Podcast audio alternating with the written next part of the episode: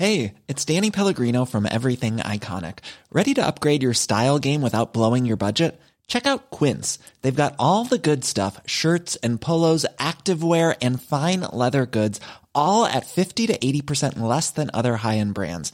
And the best part? They're all about safe, ethical, and responsible manufacturing. Get that luxury vibe without the luxury price tag. Hit up quince.com slash upgrade for free shipping and 365 day returns on your next order. That's quince.com slash upgrade. Quality sleep is essential. That's why the Sleep Number Smart Bed is designed for your ever evolving sleep needs. Need a bed that's firmer or softer on either side? Helps you sleep at a comfortable temperature? Sleep Number Smart Beds let you individualize your comfort so you sleep better together. JD Power ranks Sleep Number number 1 in customer satisfaction with mattresses purchased in-store. And now, save 50% on the Sleep Number limited edition Smart Bed for a limited time. For JD Power 2023 award information, visit jdpower.com/awards. Only at a Sleep Number store or sleepnumber.com. There's never been a faster or easier way to start your weight loss journey than with PlushCare. PlushCare accepts most insurance plans and gives you online access to board-certified physicians who can prescribe FDA-approved weight loss medications like Wigovi and Zepbound for those who qualify. Take charge of your health and speak with a board-certified physician about a weight loss plan that's right for you. Get started today at plushcare.com slash weight loss. That's plushcare.com slash weight loss. plushcare.com slash weight loss.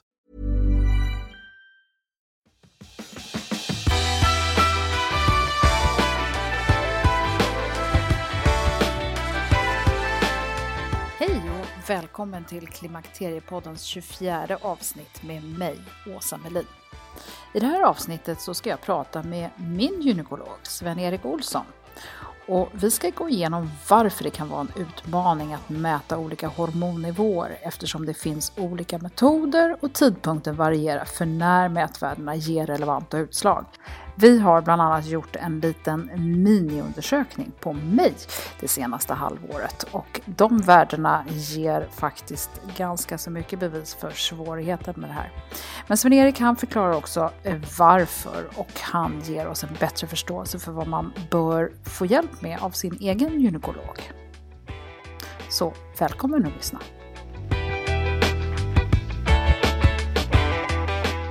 Då eh, önskar jag Sven-Erik Olsson välkommen till Klimakteriepodden. Tack så mycket. Du är docent och överläkare och specialist i gynekologi och obstetrik och du är verksam som gynekolog här på Mamma Mia i Stockholm. Och du är knuten till Danderyds sjukhus. Ja. Och du har jobbat några år nu. Ja, det börjar bli över 30 år sedan jag blev färdig gynekologspecialist. Och Danderyd, där har jag varit ungefär 12 år innan jag gick i pension därifrån. Ja, okej. Okay. Och där har du också viss forskning som du fortfarande är knuten till? Ja, där har vi mycket jobbat med utvecklingen av HPV-vaccin som har med cellförändringar att göra. Och sen har du även varit med och utvecklat hormonspiral? Det var under tiden i Uppsala. Ja, okej. Okay, all right. Och därifrån känner du Tord Nässén som vi haft förmånen att ha med i podden också. Ja, Tord Nässén är en klippa. Han kan det mesta. Ja, då vill man höra mer om honom då får man lyssna på avsnitt 11. Men idag så ska vi eh, koncentrera oss på svårigheten med provtagning. Det finns ju en tro på att man med hjälp av lite hormonprover och en undersökning kan konstatera var en kvinna befinner sig i förhållande till menopaus och vad hon behöver för medicinering eller inte för att må så bra som möjligt. Och då tänkte jag faktiskt vara lite personlig här och erkänna att du och jag har hållit på med en, en mycket liten forskningsstudie, men dock, eh, på mig. Mm. där vi har hållit på och tagit prover det senaste halvåret. Och de talar ju för sig själva. Kan inte du bara liksom berätta lite grann vad, vad de här... Eftersom vi ska prata om svårigheten här nu så har vi ju ett liksom bevis här på vad vi har pysslat med. Och vi träffades för ett antal månader sedan och du ville diskutera om östrogener. Mm. Och då tyckte jag att vi skulle se lite hur det var med dina blodvärden innan vi började. Och då visade det sig att du hade väldigt bra blodvärden, fina östrogennivåer.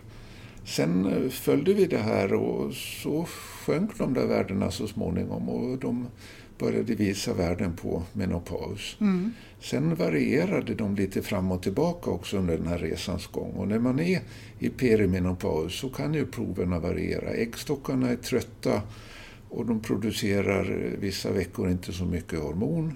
Hypofysen gör sitt för att få äggstockarna att producera mer och så orkar de inte svara och då blir det låga östrogennivåer i blodet och man mår inte alltid så bra. Sen eh, en dag så kan äggstockarna komma igång och få ett ryck och producera östrogener som man var 25. Mm. Och då ser man ju det i proverna och då är det inte alltid så lätt om man ska ta östrogener och ställa in det. För två veckor innan då låg man lågt och man mådde väl av sina östrogener så kommer det igång och då kan det bli för mycket. Mm. Och, och, det som vi då har eh, tagit och som jag förstår är ganska standard så att säga om man nu överhuvudtaget tar eh, blodprov och inte bara nöjer sig med en, en undersökning. Eh, det är ju då eh, det som du nämnde nu, östradiol, alltså östrogenvärdet. Vad är mer intressant att mäta? FSH-värdet. FSH det är ju då hypofysens upplevelse av hur det är i kroppen tycker hypofysen att det är inte särskilt mycket östrogenaktivitet, då stiger FSH. Om man till exempel tar tabletter mot menopausbesvär som innehåller östrogen så tabletterna de gör om östradiol som man tar genom munnen till öst, eh, östron. Och östron det kan man inte mäta. Om man tar ett vanligt prov och mäter östradiol så får man inga utslag trots att man har en hel del östron i blodet. Och då kan man se på FSH. För att om östronet gör att hypofysen blir nöjd, då sjunker ju FSH fastän östradiolet är lågt. Men det beror på att man tar ett annat östrogen. Okej, okay, men så att eh, ett högt eh, FSH-värde eh, betyder egentligen, alltså det kan man få ner igen till en låg nivå, alltså en, en förklimakterienivå genom att tillsätta östradiol eller eh, östro... Östrogen till exempel, eh, prognon om man tar enbart östrogen eller man kan ta ett kombinationspreparat, Novofem, Livial. Det finns flera olika som man kan ta som tabletter. Och, och det då, eh, blir det samma effekt om man väljer att ta det som plåster eller spray eller, eh, eller kräm? Alltså öst, det har debatterats mycket och varje fabrikant tycker ju att det är viktigast med deras preparat. Och det som det har varit mycket diskussion om är bioidentiska östrogener som plåster och som gel som man smörjer på benet och går direkt ut i blodet utan att passera levern. Jag tycker väl kanske inte att man har visat så där väldigt tydligt att man mår så mycket bättre, att man får mindre biverkningar och risker med bioidentiska östrogener än med andra. Men många menar att eh, om man kan ta ett preparat som liknar det östrogen som min kropp har producerat i 40 år, så varför inte ta det preparatet? Och jag har inga problem med det. Men bara så att jag förstår nu, om man då skulle ta de här som du nämnde nu, eh, läkemedlen som man tar oralt, ja. de påverkar då FSH-värdet. Ja. Men de här plåstren till exempel, eller gelen, alltså det som man inte tar oralt utan det som man då tar på huden, det påverkar inte FSH-värdet? Jo, det påverkar också. För FSH, det, eller hypofysen, skannar av hur mycket östrogenaktivitet finns det i kroppen. Oberoende om den kommer från ett peroralt preparat eller ett plåster och så. Det, det, hypofysen är duktig på att hålla koll på det. Okej. Okay. Och var, var, vill man vara då, det här FSH-värdet? Vad, vad, är... Alltså, eh, när man är en ung, pigg kvinna som 35, vad har man då normalt? Det svänger under menstruationsfasen och det är som högst när man har menstruation för då ska det starta upp nästa månads menstruationscykel. Mm. Och då brukar det ligga omkring 10. Och sen när man då kommer igång och man går emot ägglossning så sjunker det och ligger kanske nere mot tre. Ja, okej. Okay. Och sen så, och när man hamnar i, alltså vilket värde skulle du vilja säga visar på att man är väldigt nära menopaus eller till och med passerat? Ja, man brukar säga då, har man passerat 25 så brukar man säga att då är man i menopaus. Ja. Men det är för att göra det lätt för sig. Det stämmer ju inte alla gånger och en del kvinnor har 25 eller 35 och sen två veckor senare så ligger man nere på 15.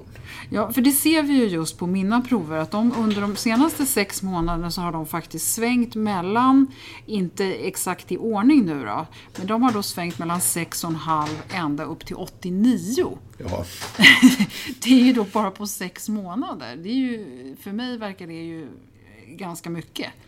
Och om man då tar ett prov när som helst då så är det ju rena lotteriet. Ja, det vad man skulle, skulle få jag vilja säga. Ja. Och vad, vad kan man komplettera med då? För, för då, då kan man ju ta andra prover också. Du, man tar östrogenet, man tar FSH då. Ja. Och så är halvpålitligt förstår jag nu. Eh, så kan man ta ett progesteronprov. Ja, som ju nästan alltid är lågt i den här åldern för att progesteronet stiger ju efter att man har ägglossat och man brukar inte ägglossa. Nej. Så då är det ett generellt lågt värde. Och, och vad är ett lågt värde då? Det kan vara under noll eller Ja, över... eller omkring ett eller så. Ja, okej. Om man ägglossat fint då kommer man ju över 25. Okej. Beroende på när i cykeln man tar det. Det är också viktigt. Man har då en topp av sitt progesteronvärde sju dagar efter ägglossning. Ja. Och så det är där som det är optimalt att ta det då. Ja. Och sju dagar efter förväntad ägglossning, är FSH-värdet lämpligt att ta samtidigt? Nej, efter ägglossning, om allt fungerar så bra i kroppen, då får man nästan alltid ett lågt FSH-värde, så det tillför inte så mycket. Nej. Utan ska man se hur pigga äggstockarna är, då brukar man mäta FSH när man har mens, dag två eller tre. Okej. För att FSH är högt när man har mens för att starta upp nästa omgång. Och äggstockarna är väldigt pigga, då kanske det räcker med ett FSH-värde på 6 för att äggstockarna snurrar igång. Och sen är allt bra. Är de lite trötta då går det åt mer FSH. Man brukar säga att har man ett högre värde än 10 i samband med mens så då har man lite trötta äggstockar som behöver extra stimulans för att komma igång. Och det är inte alltid det blir perfekta ägglossningar då heller. Nej. Nej, och bara det här visar ju hur komplext det är. Då kan du ju Ja. inte ha en tid hos gynekologen om tre månader och tro att det datumet kommer vara optimalt. Nej. Och då är det lättare, säger man har en kvinna som är 60. För att där svänger det inte lika mycket. Hon har hittat någon sorts steady state. FSH kanske ligger på 60-70 och hennes östrogennivå ligger väldigt lågt. Då tar man prov några veckor senare så ligger hon på samma nivå. Men en yngre kvinna som då hos dig, där kommer äggstockarna igång. Och så funkar de några veckor och sen blir de lite tröttare igen och sen kan de komma igång igen. Och där måste man komma ihåg och Ja, det blir lite svårare då hur man ska ställa in henne för man är alltid en vecka för sent. Och, och om vi då liksom tänker på eh, det, här eh, svårigheten, för det, vad vi egentligen pratar om är ju svårigheten att, att göra någonting då innan menopaus är fastställd. Ja. Eh, vad, vad, vad kan man göra för att behandla en kvinna i det här hoppstadiet? Ibland är det ju då så att hon har dagar, veckor som hon ligger väldigt lågt av östrogen och de dagarna mår hon extra dåligt. Och då brukar man ju lägga på en plåsterdos, 25, 37, 50 mikrogram per dag. Och då kommer man över svackorna. Svackorna blir inte lika djupa som de skulle vara utan. Nej, så du, du tar hela månaden trots att du egentligen bara behöver det under vissa delar av månaden? Precis. Ja. Och där så kan det ju vara då någon dag som hon kanske ligger lite högre för att hon har en egen produktion och så har vi även plåstret. Men östrogen har ju en sån bredd. En kvinna som är gravid ligger ju skyhögt i östrogener och mår ofta rätt så bra. Så östrogen har en, en stor bredd och man behöver väl inte alltid vara så rädd för östrogener. Annat än en del kvinnor då som samlar på sig vätska, det spänner i brösten. Man mår inte riktigt bra om man då ligger lite högre och där är återigen individuellt. Och den här lite höga fasen, det kan man ju drabbas av ändå så att säga. Ja. Och, och, känner man av det extra mycket om progesteronet inte är balanserat tillsammans med östrogenet? En del kvinnor reagerar nog så och kan man då lägga till lite progesteron så, så mår man nog bättre. Ja, och vad förordar du då för, för typ av progesterontillskott? Ja, där har vi ju inte så många att välja på. Vi har ju då gestagener som egentligen är en molekyl som har progesteroneffekt utan att vara progesteron. Och de har ju en del biverkningar, särskilt vad gäller humöret. Kan man då få rent progesteron? I Sverige har vi ju det bara som en gel, krinon, eller som vagitorier, lutinus för att det då resorberas ut i blodet utan att passera levern. Mm.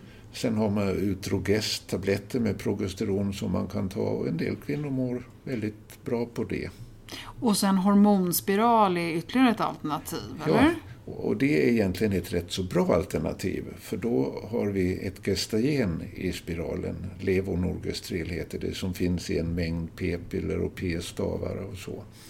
Men det är så lite hormon i spiralen så det går väldigt lite ut i blodet. Livmodern har också en vägg som är nästan två centimeter tjock.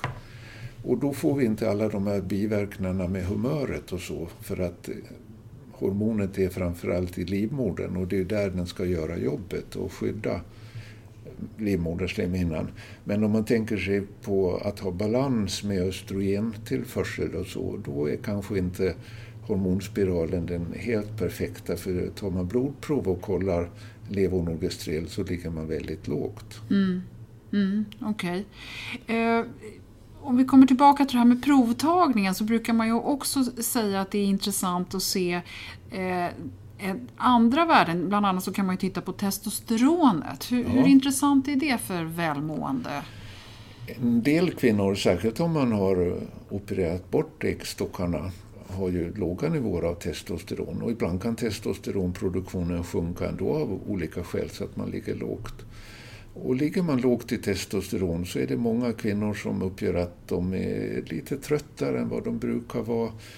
Man är inte riktigt så glad, sexlusten eh, minskar eller till och med försvinner helt. Och man har inte den där riktiga gnistan som man hade för ett antal år sedan när troligen testosteronet låg högre.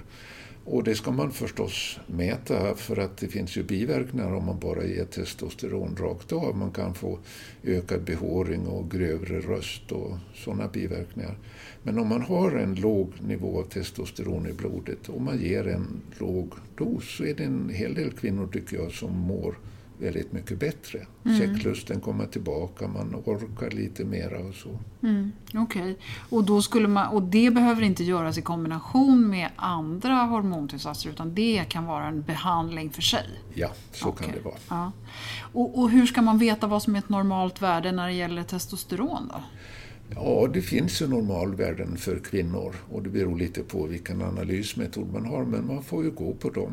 Och kvinnor har ju en testosteronnivå i blodet som är ungefär en tiondel av vad männen har. Mm, Okej. Okay. alright. Så då, då eh, egentligen så jag, för jag tänker att det vore väl intressant att veta vad man hade för värde när man mådde bra. Ja, om man det kunde få tag på. Så man, egentligen så borde alla unga kvinnor få sina prover tagna innan man hamnar i någon form av eh, hormonsvängningsfaser så att man ja, liksom hade det på eh, on record så att säga. Ja, why not? Det skulle ju vara spännande att ja, ta fram det där om några tiotal år längre fram kanske. Have catch yourself eating the same flavorless dinner three days in a row? Dreaming of something better? Well, hello fresh is your guilt free dream come true baby. It's me, Gigi Palmer. Let's wake up those taste buds with hot juicy pecan crusted chicken or garlic butter shrimp scampi. Mm. Hello Fresh. Stop dreaming of all the delicious possibilities and dig in at HelloFresh.com. Let's get this dinner party started. One size fits all seemed like a good idea for clothes. Nice dress. Uh, it's a it's a t-shirt. Until you tried it on.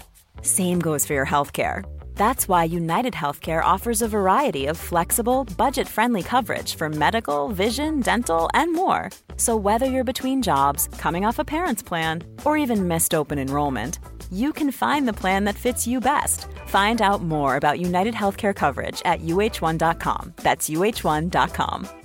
Quality sleep is essential. That's why the Sleep Number Smart Bed is designed for your ever evolving sleep needs. Need a bed that's firmer or softer on either side? Helps you sleep at a comfortable temperature? Sleep Number Smart Beds let you individualize your comfort so you sleep better together. JD Power ranks Sleep Number number 1 in customer satisfaction with mattresses purchased in-store. And now, save 50% on the Sleep Number limited edition Smart Bed for a limited time. For JD Power 2023 award information, visit jdpower.com/awards. Only at a Sleep Number store or sleepnumber.com. Det är härligt att klimakteriets tabu äntligen är på väg bort. Vill man försöka klara sig utan hormonbehandling så finns nu många nya kosttillskott som lovar bland annat hormonell balans och som ska stötta brister. Jag vill lyfta min räddare i nöden, Femarel. Det har inte bara varit min utan många andra kvinnors räddning i över 20 år. Och med lång tid på marknaden, med nöjda användare, dessutom med 20 forskningsstudier så vågar jag säga att det kan vara en god idé att prova Femarel. Femarel finns på apoteken och i hälsokostbutiker. Tack Femarel som varit min samarbetspartner i många år. Det är ju så här också att, att det finns eh, en svårighet har vi ju helt klart eh, fått veta här nu att ta de här proverna. Eh, om man tittar på patienten med ultraljud och man tittar optiskt så att säga på patienten, vad kan man etablera då i form av konstaterande? Om man har en väldigt låg östrogennivå så växer ju inte slemhinnan i livmodern till. Och mäter man då slemhinnan så hittar man en tunn slemhinna när man har låga östrogennivåer. Och om man behandlar med östrogen så måste man se att inte slemhinnan blir för tjock för då kan det ju bli eh, plötsliga rikliga blödningar och i värsta fall om det är en tjock slemhinna i många år skulle det kunna bli en tumörutveckling. Och man vill då att en tjock slemhinna eller begynnande tjock slemhinna ska blöda ibland så att man aldrig utvecklar någon tjock slemhinna. Mm. Och det är därför som man då aldrig bara ger östrogen utan man kombinerar det med gestagen, progesteron eller hormonspiral. Precis. Sen i enstaka fall har man patienter som inte tål gestagener på något sätt. Och med låg östrogen då, så om man då följer tjockleken på livmoderslemhinnan så kan man ha en relativt god uppfattning över hur hon mår. Men huvudregeln är ju att man alltid ska ge ett gestagenpreparat. Och eh, om man då, du nämnde att det finns ju kvinnor som har tagit bort sin livmoder. Ja. Har man ändå livmoderslemhinna då? Nej. Nej. Så de behöver inget gestagen för att skydda slemhinnan i alla Så att en kvinna som inte har någon livmoder kvar, oavsett om hon har ägg, bara livmodern borttagen eller livmoder och äggstockar, så behöver hon inget Eh, progesterontillskott. Nej, för äggstockarna behöver inte det, utan Nej. bara livmodern. Och, och, progesteronet i det fallet, det har ingen så att säga, annan effekt som man, ja, man saknar ju det såklart. Om, om, alltså, produktionen har ju kom, finns ju inte och det är inte så att man saknar den för välmående. Nej, en del kvinnor är rätt tydliga med att de mår bättre om de har ett progesterontillskott som då lite balanserar östrogenet. Men det är rätt lite arbete gjort på det och hur mycket man behöver och hur ska balansen, kvoten mellan östrogen och progesteron se ut för att man mår väl. Det vanligaste är nog att man inte använder progesteron eller gestagena annat än till att skydda livmoderslemhinnan med preparat som du nämnde. Mm, okay. Eh, sen så finns det ju också en tro på de här olika T-hormonerna eller T-värdena. TSH och T4 är ju någonting som man också ibland ja. tar prover på. Vad är det då? TSH är hypofysen återigen då som har ett hormon som stimulerar sköldkörteln att producera sitt hormon som är tyroxin eller T4. Och tyroxin gör levern och kroppen, fettväven, huden om till triodotyronin som är det aktiva tyroidea-hormonet. Och man brukar sällan mäta triodotyronin för det är nästan aldrig fel på det. Men om sköldkörteln blir trött, man kan ha en inflammation, Hashimotos sjukdom eller andra sjukdomar som gör att den inte riktigt fungerar till 100 procent. Och då stiger TSH som ett första tecken och sen börjar T4 sjunka. Och då blir ju kvinnan trött, hon får en hypotyreos, hon går upp i vikt, hon får en torrt i huden, det blir fnasigt och ja, hon mår inte bra. Och man ser ofta att hon är plufsig i ansiktet. Mm, men övervikt på kroppen är, är lika vanligt eller är det?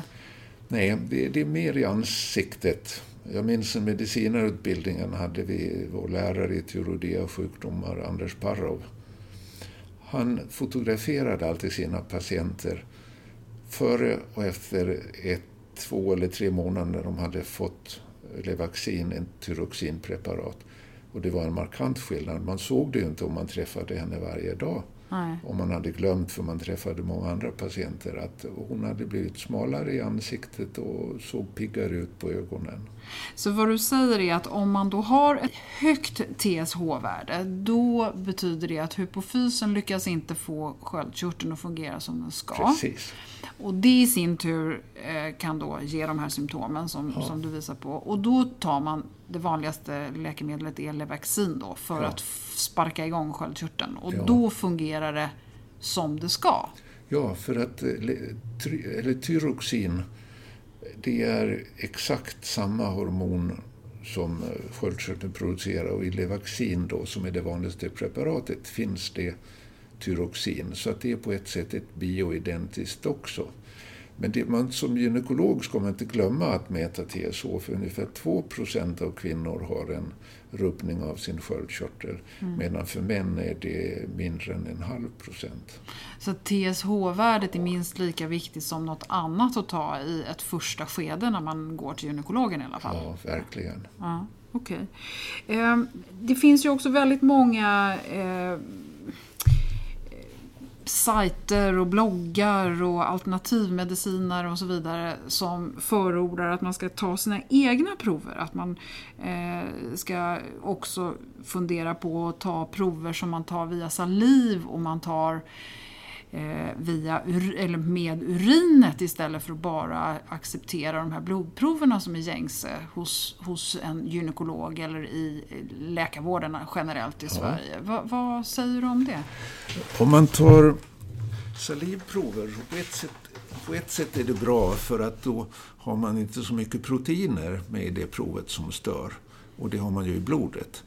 Men salivproverna kan variera väldigt mycket beroende på hur mycket saliv man har i munnen. Man är ibland torrare i munnen, ibland mera saliv. Sen är det lätt att skicka salivprover. Man doppar ett läskpapper i saliv och så kan det torka in och så kan man skicka det i ett brev till laboratoriet. Och om man inte riktigt har tillgång till ett eh, laboratorium för blodprover så gör man ofta salivprover. Kvinnor som man följer till exempel kortisolnivåer för man vill titta på stress och så, då tar man gärna salivprover två gånger om dagen.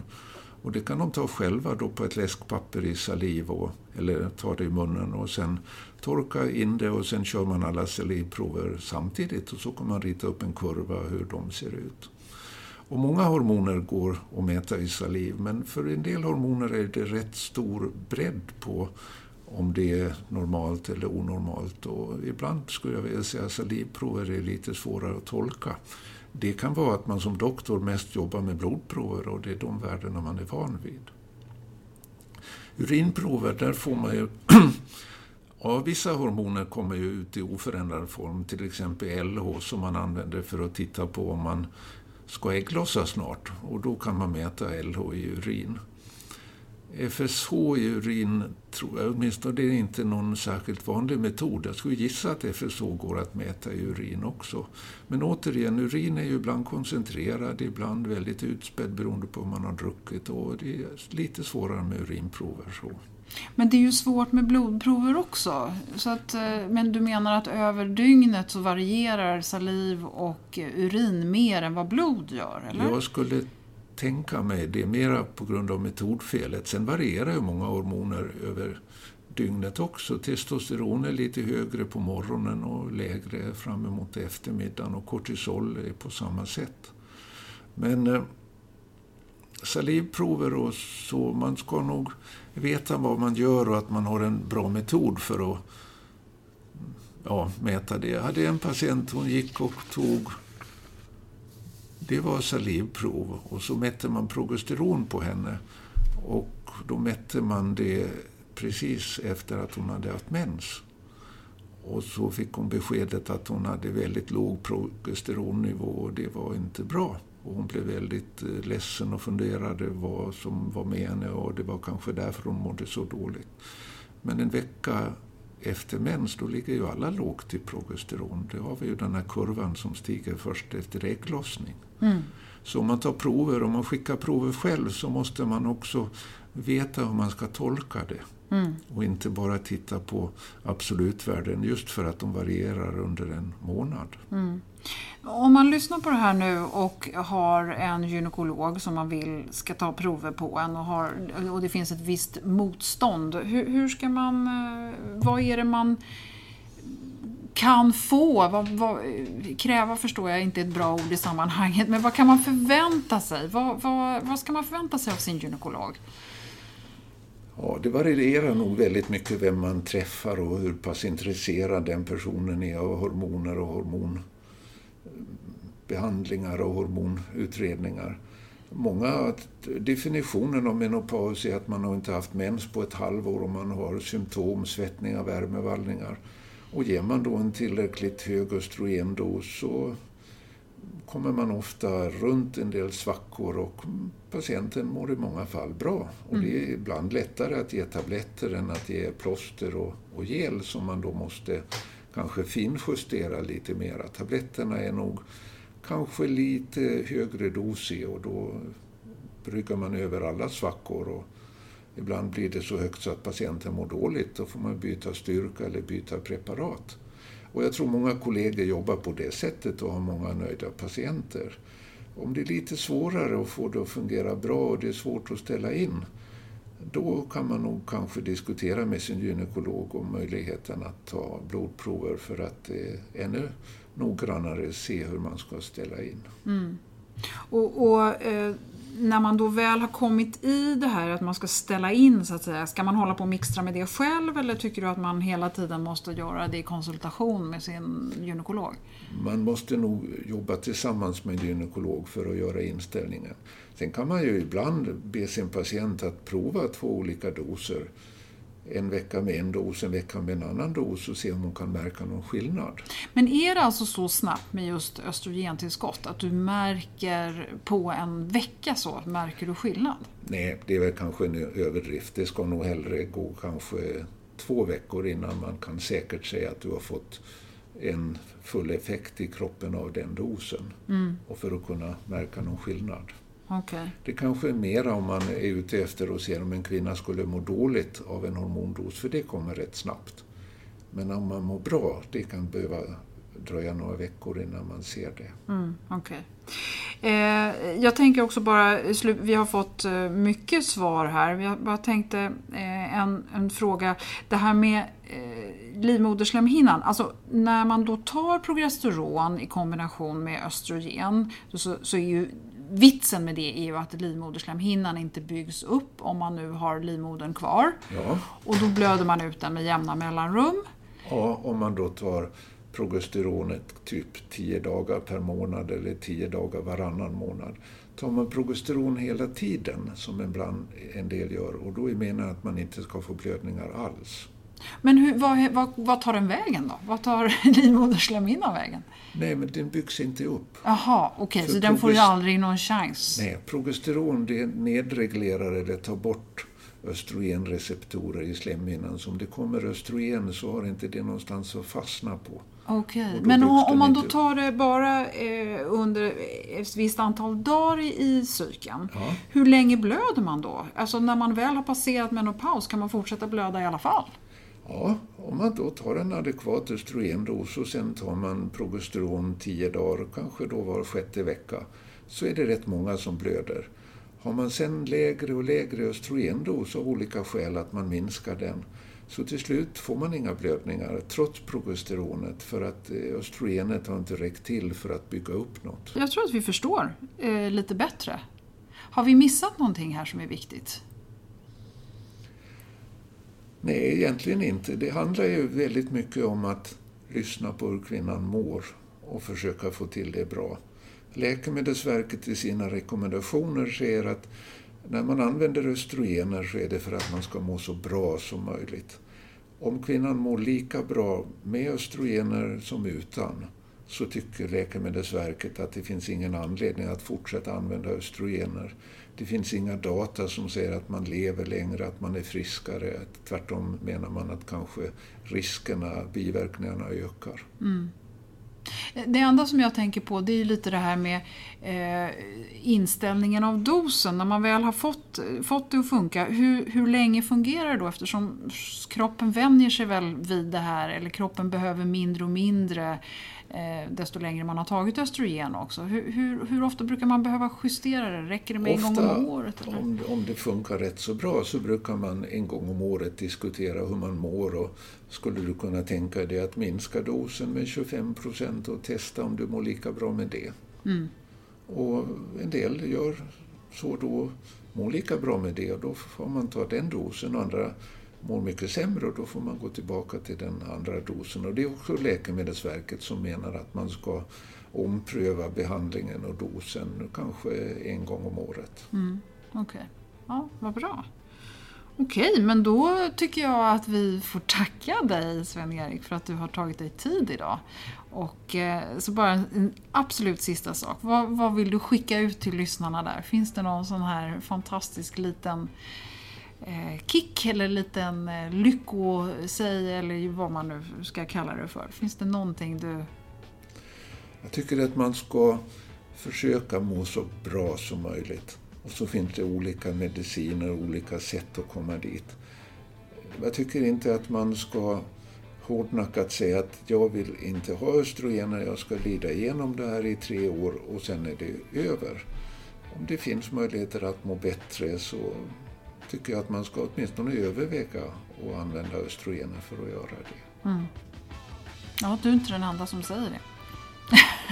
har vi konstaterat. Okej, men då tackar vi dig så hemskt mycket för att du ville vara med idag. Tack så mycket. Tack. Det var spännande att få vara med. Ja, bra. Tack.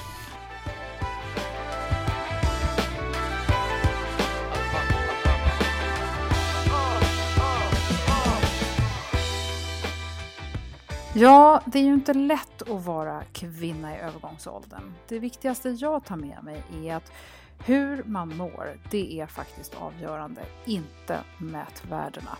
Och det är också väldigt värdefullt att ha en gynekolog att diskutera med. Och har man kunskap så har man också möjlighet att ställa bra frågor, relevanta frågor och hålla en bra diskussion. Och jag ser ibland på era mejl att det finns stor frustration med den gynekolog man har och jag tycker då faktiskt att man ska se sig om efter en annan, alltså byt. Och bor man avigt till så finns det faktiskt många mottagningar där man kan få telefonrådgivning. Vill du komma i kontakt med mig så mejla på info.klimakteriepodden.se och titta gärna in på Facebook-sidan där jag lagt upp en länk till Läkemedelsverket som Sven-Erik rekommenderat. Och det finns naturligtvis annat som också är intressant på Facebook-sidan och du kan också följa Klimakteriepodden på Instagram. I nästa avsnitt så ska du få en paus från hormonerna och eh, istället få rekommendationer på böcker där ämnet klimakterium behandlas på lite olika sätt. Det blir både fack och skön litteratur. Och då har jag bibliotekarien Elisabeth Skog med i podden som hjälp. Så välkommen att lyssna snart igen. Hej då!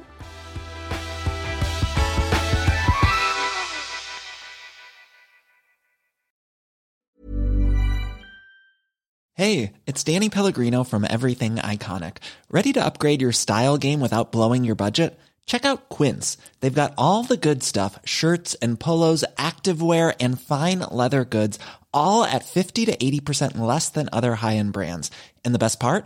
They're all about safe, ethical, and responsible manufacturing. Get that luxury vibe without the luxury price tag. Hit up quince.com slash upgrade for free shipping and 365 day returns on your next order. That's quince.com slash upgrade. Hold up. What was that? Boring. No flavor. That was as bad as those leftovers you ate all week. Kiki Palmer here, and it's time to say hello to something fresh and guilt-free. Hello Fresh. Jazz up dinner with pecan-crusted chicken or garlic butter shrimp scampi. Now that's music to my mouth. Hello Fresh. Let's get this dinner party started. Discover all the delicious possibilities at hellofresh.com. Hi, I'm Daniel, founder of Pretty Litter. Did you know cats tend to hide symptoms of sickness and pain? I learned this the hard way after losing my cat, Gingy. So I created Pretty Litter, a health monitoring litter that helps detect early signs of illness by changing colors, saving you money and potentially your cat's life. Pretty Litter is veterinarian developed, and it's the easiest way to keep tabs on your fur baby's health right at home. Go to prettylitter.com and use code ACAST for 20% off your first order and a free cat toy. Terms and conditions apply. See site for details.